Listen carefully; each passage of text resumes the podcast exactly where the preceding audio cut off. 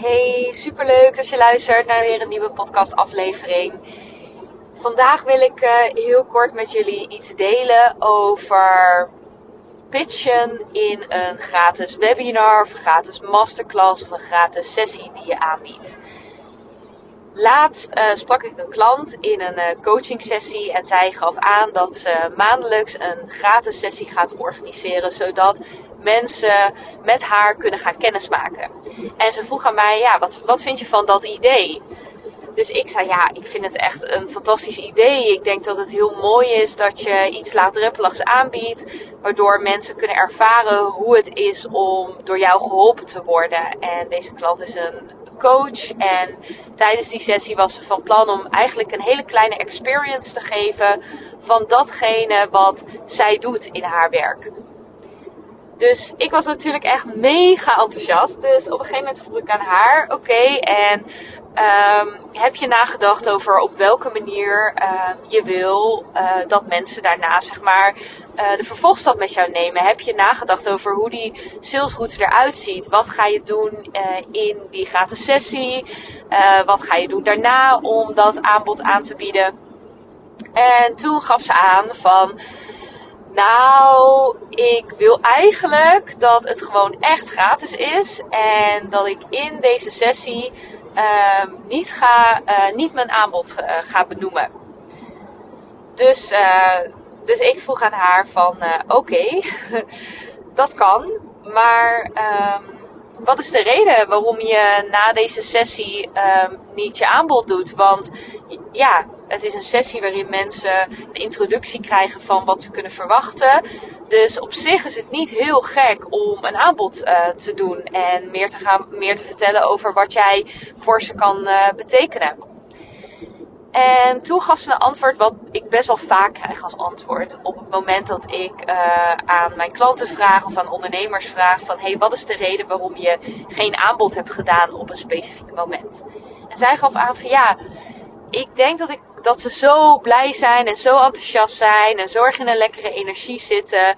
Dat uh, wil ik eigenlijk niet verpesten door iets te gaan verkopen. Ik wil gewoon dat ze lekker in die energie kunnen blijven zitten. En ik wil dat niet verpesten door mijn aanbod te verkopen. en dat vond ik een hele interessante. Want dat is natuurlijk een bepaald perspectief hoe je er naar zou kunnen kijken. Maar de vraag is natuurlijk: is dat de manier hoe je er naar wil kijken? Want op het moment dat je er zo naar kijkt, ja, dan snap ik heel goed je overweging waarom je bijvoorbeeld ervoor kiest om niet um, je aanbod bijvoorbeeld aan het einde van zo'n sessie te pitchen. Want ja, heel logisch, het geeft je het gevoel dat je een op, opdringerig bent, dat je de sfeer, sfeer aan het verpesten bent. En dat is alles behalve iets wat je wil, toch? Dat wil niemand. Dus ik zei tegen haar: Hey, wat dacht je ervan? Of hoe voelt het om het op deze manier te bekijken? Om het zo te zien. hey, deze mensen zijn allemaal door mij in een fantastische energie terechtgekomen. Hoe mooi is het als ik ze iets kan aanbieden waardoor ze vaker in deze energie kunnen komen. Waardoor hun leven misschien zelfs wel gaat veranderen omdat ze vaker in die energie komen. En toen zag ik bij haar ook direct zeg maar die shift van, oh ja, zo had ik er eigenlijk niet naar gekeken. En dat is eigenlijk ook de boodschap die ik aan jou heb. Heel vaak op het moment dat onze sales niet stroomt, heeft dat 9 van de 10 keer heel erg te maken met wat wij zelf geloven en denken over het doen van sales. Dus over het doen van ons aanbod promoten. En in dit geval had die klant heel erg een overtuiging van, ja, ik ga de sfeer verpesten, ik ga de energie verpesten. En vanuit die energie, als ik had gezegd, ja, nou doe het nou maar gewoon wel, ga nou maar die pitch doen, het is slim om te doen. Dan weet ik eigenlijk heel erg zeker dat met die mindset en met die uh, met die overtuiging over pitchen, dat het waarschijnlijk ook niet over was gekomen. En misschien de kans er ook zelfs wel is dat mensen het voelen dat jij het niet prettig vindt om je aanbod te promoten. En ergens bij jou die, die schaamte of ongemakkelijkheid oppakken. En dan zal het ook niet het effect hebben wat je hebt.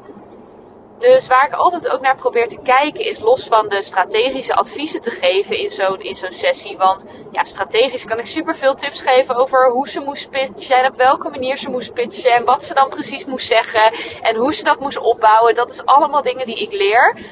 Alleen in de coaching, wat daar heel erg de toegevoegde waarde van is, is dat ik echt probeer er doorheen te prikken en te kijken van oké, ehm, maar wat zit daar nou onder? waarom voel je zo'n drempel en waarom voel je zo'n blokkade om te, om te gaan pitchen?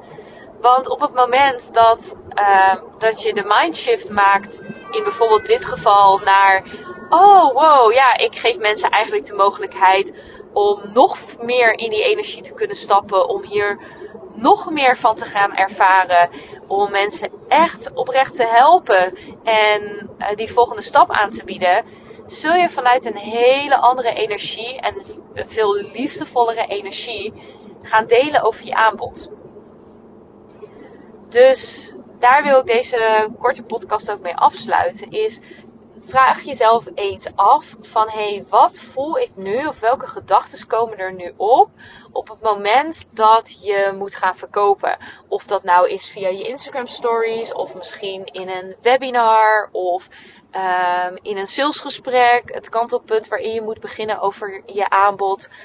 Um, welke gedachten heb je op dat moment? En ga daar eens mee aan de slag. Dan weet ik zeker dat er ontzettend veel gaat veranderen als het gaat om het aantrekken van klanten. Nou, ik wens je een hele mooie dag toe, middag toe, avond toe, welk moment je deze podcast ook luistert. En ik zie je weer in een volgende aflevering.